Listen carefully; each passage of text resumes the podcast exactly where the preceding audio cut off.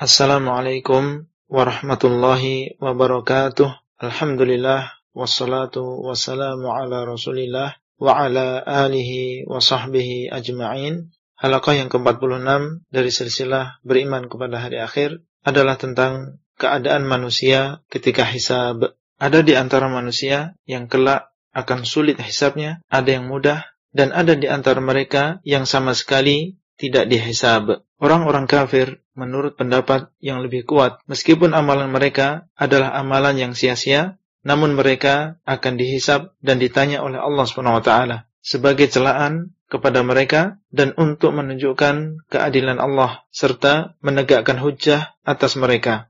Hisab orang-orang kafir akan sangat teliti. Rasulullah SAW bersabda, "Waman nukishal hisaba halak." Barang siapa yang diperiksa dengan teliti hisabnya, maka dia akan binasa. Hadis sahih riwayat Bukhari dan Muslim. Adapun orang-orang yang beriman, maka mereka akan dihisab dengan hisab yang mudah. Allah taala berfirman, "Fa amma man utiya kitabahu biyaminih fasawfa yuhasabu hisaban yasira." Adapun orang yang diberi kitab dengan tangan kanannya, maka dia akan dihisab dengan hisab yang mudah. Al-Insyiqaq 7 sampai 8. Dan yang dimaksud dengan hisab yang mudah disebutkan oleh Rasulullah SAW di dalam sebuah hadis yang artinya sesungguhnya Allah akan mendekatkan seorang mukmin kemudian menutupinya. Kemudian Allah berkata kepadanya, "Apakah kamu mengetahui dosa ini? Apakah kamu mengetahui dosa ini?" Maka orang mukmin tersebut akan berkata, "Iya, wahai Rabbku." Sehingga ketika Allah SWT sudah membuatnya mengakui dosa-dosanya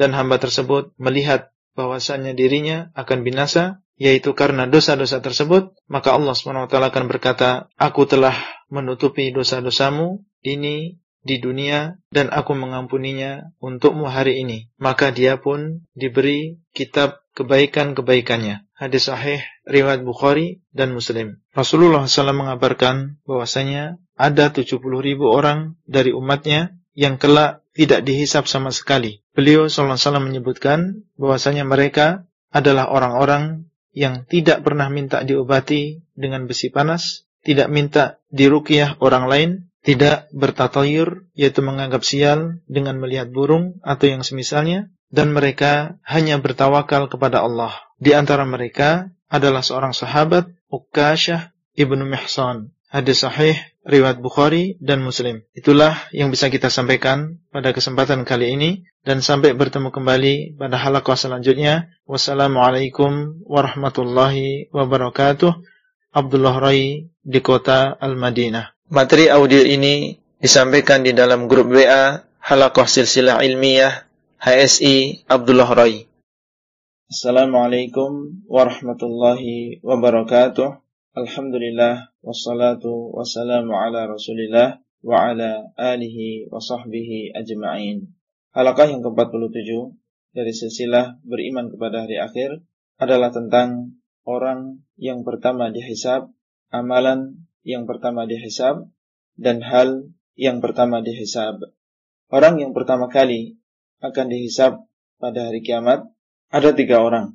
Yang pertama adalah orang yang berjihad karena ria, dia akan didatangkan dan akan diperlihatkan kenikmatan yang telah Allah berikan kepadanya, maka dia pun mengenalnya. Kemudian ditanya oleh Allah Subhanahu wa taala, "Apa yang kamu lakukan terhadap kenikmatan ini?" Dia berkata, "Aku gunakan untuk berperang di jalanmu sampai aku mati syahid." Allah berkata kepadanya, "Kamu dusta, akan tetapi kamu berperang supaya dikatakan sebagai seorang pemberani dan manusia sudah mengatakan engkau adalah pemberani. Kemudian didatangkan orang yang mempelajari ilmu dan mengajarkannya dan juga membaca Al-Quran. Akan tapi melakukan itu semua karena riak. Kemudian diperlihatkan kenikmatan yang Allah berikan kepadanya, maka dia pun mengenalnya. Kemudian Allah bertanya, apa yang kamu lakukan terhadap kenikmatan ini? Dia berkata, aku mempelajari ilmu dan mengajarkannya dan aku membaca Al-Quran karenamu. Allah berkata, kamu dusta, kamu mempelajari ilmu, mengajarkannya, supaya dikatakan alim, dan membaca Al-Quran, supaya dikatakan qari. Dan manusia sudah mengatakan demikian. Kemudian didatangkan orang yang Allah luaskan hartanya, dan telah diberikan berbagai macam harta benda, maka Allah memperlihatkan kenikmatan yang telah Allah berikan kepadanya, maka dia pun mengenalnya. Kemudian Allah bertanya, apa yang kamu lakukan terhadap kenikmatan ini? Dia pun menjawab, tidaklah aku tinggalkan satu jalan yang engkau cinta, aku berinfak di dalamnya, kecuali aku infak di dalamnya. Allah berkata, kamu dusta, akan tapi engkau melakukannya supaya dikatakan dermawan. Dan sungguh manusia telah mengatakan demikian. Hadis ini sahih, riwayat Muslim. Amal ibadah yang pertama kali akan dihisap adalah sholat lima waktu.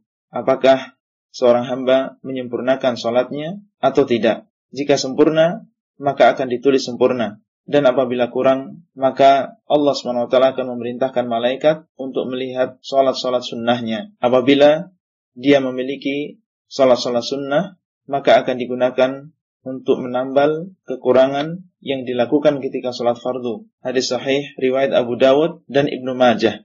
Adapun hal yang pertama yang berkaitan dengan hak antar manusia yang akan dihisab adalah tentang darah. Rasulullah SAW bersabda, "Awwalu ma yuqda bainan nas yaumal qiyamati fid dima." Hal yang pertama kali akan dihisab yang berkaitan dengan hak antar manusia pada hari kiamat adalah tentang darah. Hadis riwayat Muslim. Itulah yang bisa kita sampaikan pada kesempatan kali ini dan sampai bertemu kembali pada halaqah selanjutnya. Wassalamualaikum warahmatullahi wabarakatuh. Abdullah Rai di kota Al-Madinah. Materi audio ini disampaikan di dalam grup WA Halaqah Silsilah Ilmiah HSI Abdullah Rai.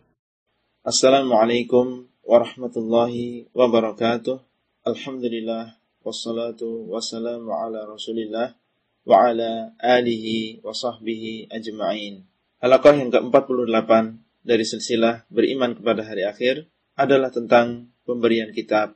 Setelah Allah SWT menghisap seorang hamba, maka hamba tersebut akan diberi kitab. Orang yang beriman dengan hisab dan hari perhitungan dan dia beramal, maka dia akan menerima kitab yang berisi hasanah dengan tangan kanannya dan kelak akan kembali kepada keluarganya di dalam surga dalam keadaan yang sangat bahagia. Allah Subhanahu wa taala berfirman, "Fa amma man utiya kitabahu bi yaminih fasawfa yuhasabu hisaban yasira wa yanqalibu ila ahlihi masrura." Maka adapun orang yang diberi kitab dengan tangan kanannya, maka dia akan dihisab dengan hisab yang mudah dan akan kembali kepada keluarganya dalam keadaan bahagia. Al-Insyiqaq 7 sampai 9. Allah Subhanahu wa taala juga berfirman, "Fa amma man utiya kitabahu bi yaminih fayaqulu ha umqra'u kitabiyah inni dhanantu anni mulaqin hisabiyah fahuwa fi 'aishatir radiyah fi jannatin 'aliyah qutufuha daniyah kulu washrabu hani'an bima aslaftum fil ayyamil khaliyah." Maka adapun orang yang diberi kitab dengan tangan kanannya dia akan berkata kepada orang lain, silahkan bacalah kitabku ini. Sesungguhnya aku dahulu di dunia yakin bahwa aku akan menemui hisab. Maka dia akan berada di dalam kehidupan yang diridhoi, di sorga yang tinggi, yang buah-buahannya rendah, maksudnya mudah dipetik, dikatakan kepada mereka, makanlah kalian dan minumlah dengan nikmat karena amal-amal yang kalian kerjakan pada hari-hari yang telah lalu. Al-Haqqah 19 sampai 24. Adapun orang kafir dan munafik, maka dia akan menerima kitab dengan tangan kiri dari arah belakang. Pertanda bahwasanya mereka akan masuk ke dalam neraka. Dia pun berteriak dengan kecelakaan. Tidak bermanfaat bagi mereka harta mereka yang melimpah dan jabatan mereka yang tinggi di dunia. Mereka menyesal dan berangan-angan seandainya tidak diberi kitab dan berangan-angan seandainya tidak dibangkitkan oleh Allah Subhanahu wa taala. Allah Subhanahu wa taala berfirman, "Wa amma man utiya kitabahu wara'a dhahrihi fasawfa yad'u thubura wa yasla sa'ira innahu kana fi ahlihi masrura innahu dhanna an yahur." Dan adapun orang yang diberikan kitabnya dari belakangnya, maka dia akan berteriak dengan kecelakaan dan akan masuk kelak di dalam neraka. Sesungguhnya dahulu dia bergembira ria bersama keluarganya dan sesungguhnya dahulu dia menyangka bahwa dia tidak akan kembali kepada Allah Subhanahu wa taala. Al-Insyiqaq 10 sampai 14. Allah Subhanahu wa taala juga berfirman, "Wa amma man utiya kitabahu bishimalih fayaqulu ya laitani lam uta kitabiyah wa lam adri ma hisabiyah ya laitaha kanatil qadiyah ma aghna anni maliyah halaka anni sultaniyah khudhuhu faghulluh thumma al-jahima salluh thumma fi silsilatin dhar'uha sab'una dhira'an faslukuh adapun orang-orang yang diberi kitab dari sebelah kiri maka dia akan berkata seandainya aku tidak diberi kitabku ini. Dan seandainya aku tidak mengetahui hisabku. Seandainya kematian yang menyudahi segalanya. Hartaku tidak memberi manfaat kepadaku. Telah hilang kekuasaanku. Maka Allah berkata, peganglah dia, lalu belenggulah tangannya ke lehernya. Kemudian masukkanlah dia ke dalam api neraka yang menyala-nyala. Kemudian ikatlah dia dengan rantai yang panjangnya 70 hasta. Al-Haqqah 25 sampai 32. Itulah yang bisa kita sampaikan pada halaqah kali ini dan sampai bertemu kembali pada halaqah selanjutnya. Wassalamualaikum warahmatullahi wabarakatuh. Abdullah Rai di kota Al-Madinah. Materi audio ini disampaikan di dalam grup WA Halaqah Silsilah Ilmiah HSI Abdullah Rai. Assalamualaikum warahmatullahi wabarakatuh. Alhamdulillah wassalatu wassalamu ala Rasulillah wa ala alihi wa sahbihi ajma'in.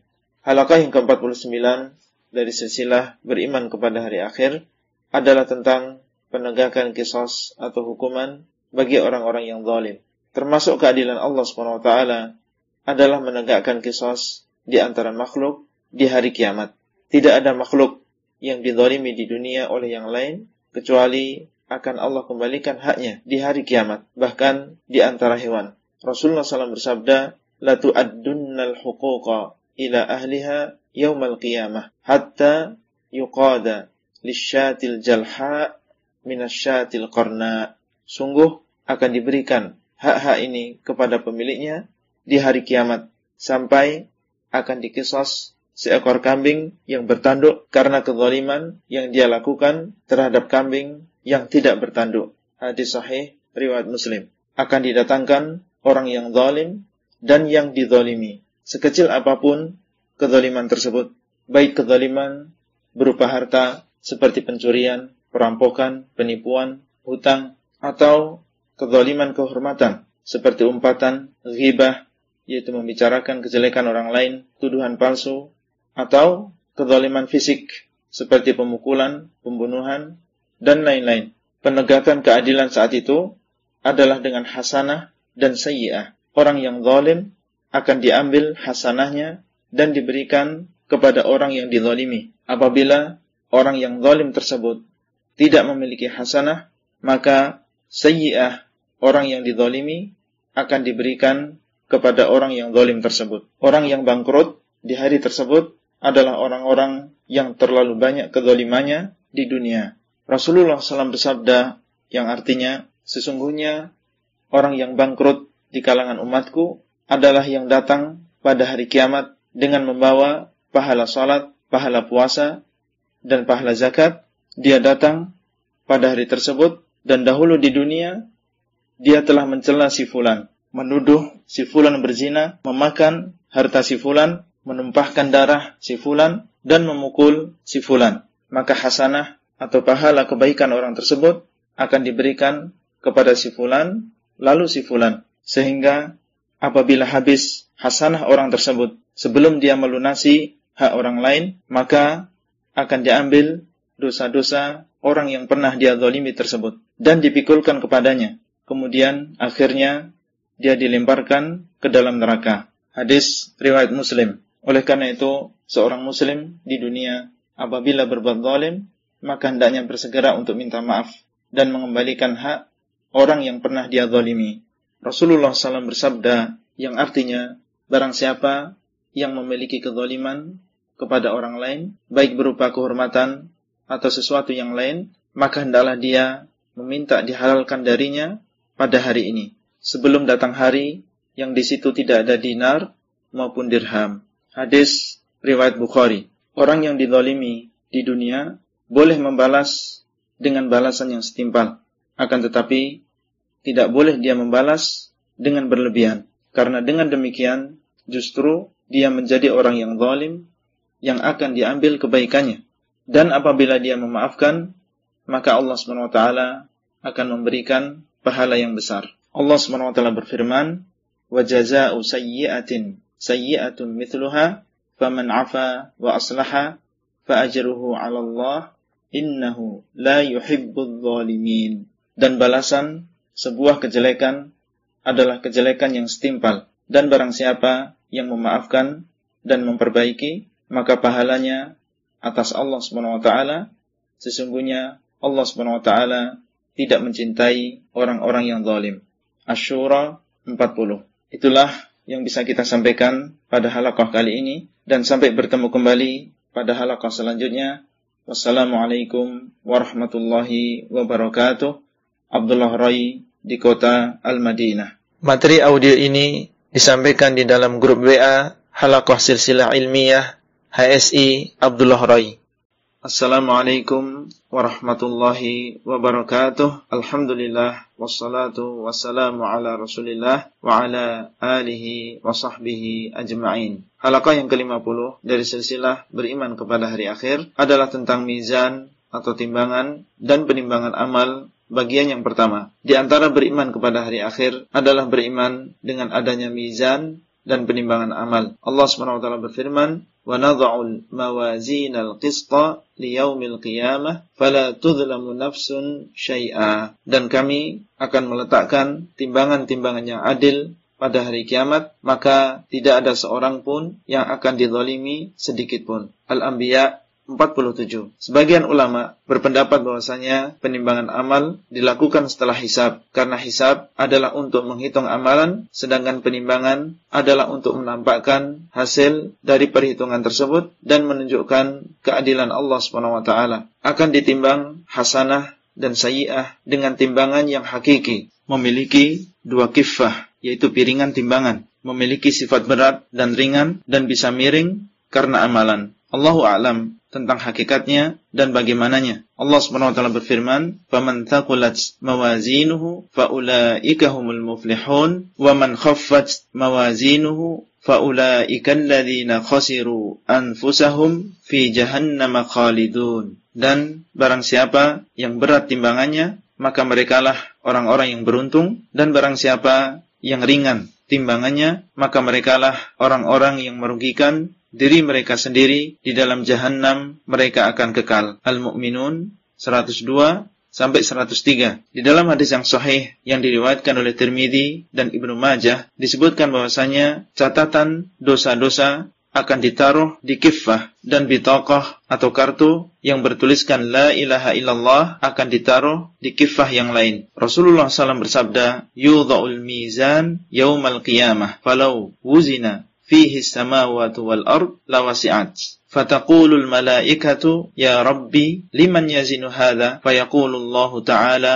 لمن شئت min khalqi akan diletakkan mizan pada hari kiamat seandainya langit dan bumi ditimbang di dalamnya niscaya akan cukup. Bertanyalah para malaikat wahai Rabb untuk siapakah timbangan ini? Maka Allah SWT berfirman untuk orang yang aku kehendaki dari para makhlukku. Hadis sahih diriwayatkan oleh Al-Hakim di dalam Al-Mustadrak. Para ulama berbeda pendapat tentang berapakah jumlah mizan di hari kiamat. Apakah satu timbangan atau banyak? Karena masing-masing manusia memiliki timbangan atau masing-masing amalan ada timbangan khusus. Allahu a'lam. Itulah yang bisa kita sampaikan pada halaqah kali ini dan sampai bertemu kembali pada halaqah selanjutnya. Wassalamualaikum warahmatullahi wabarakatuh. Abdullah Rai di kota Al-Madinah. Materi audio ini disampaikan di dalam grup WA Halaqah Silsilah Ilmiah HSI Abdullah Rai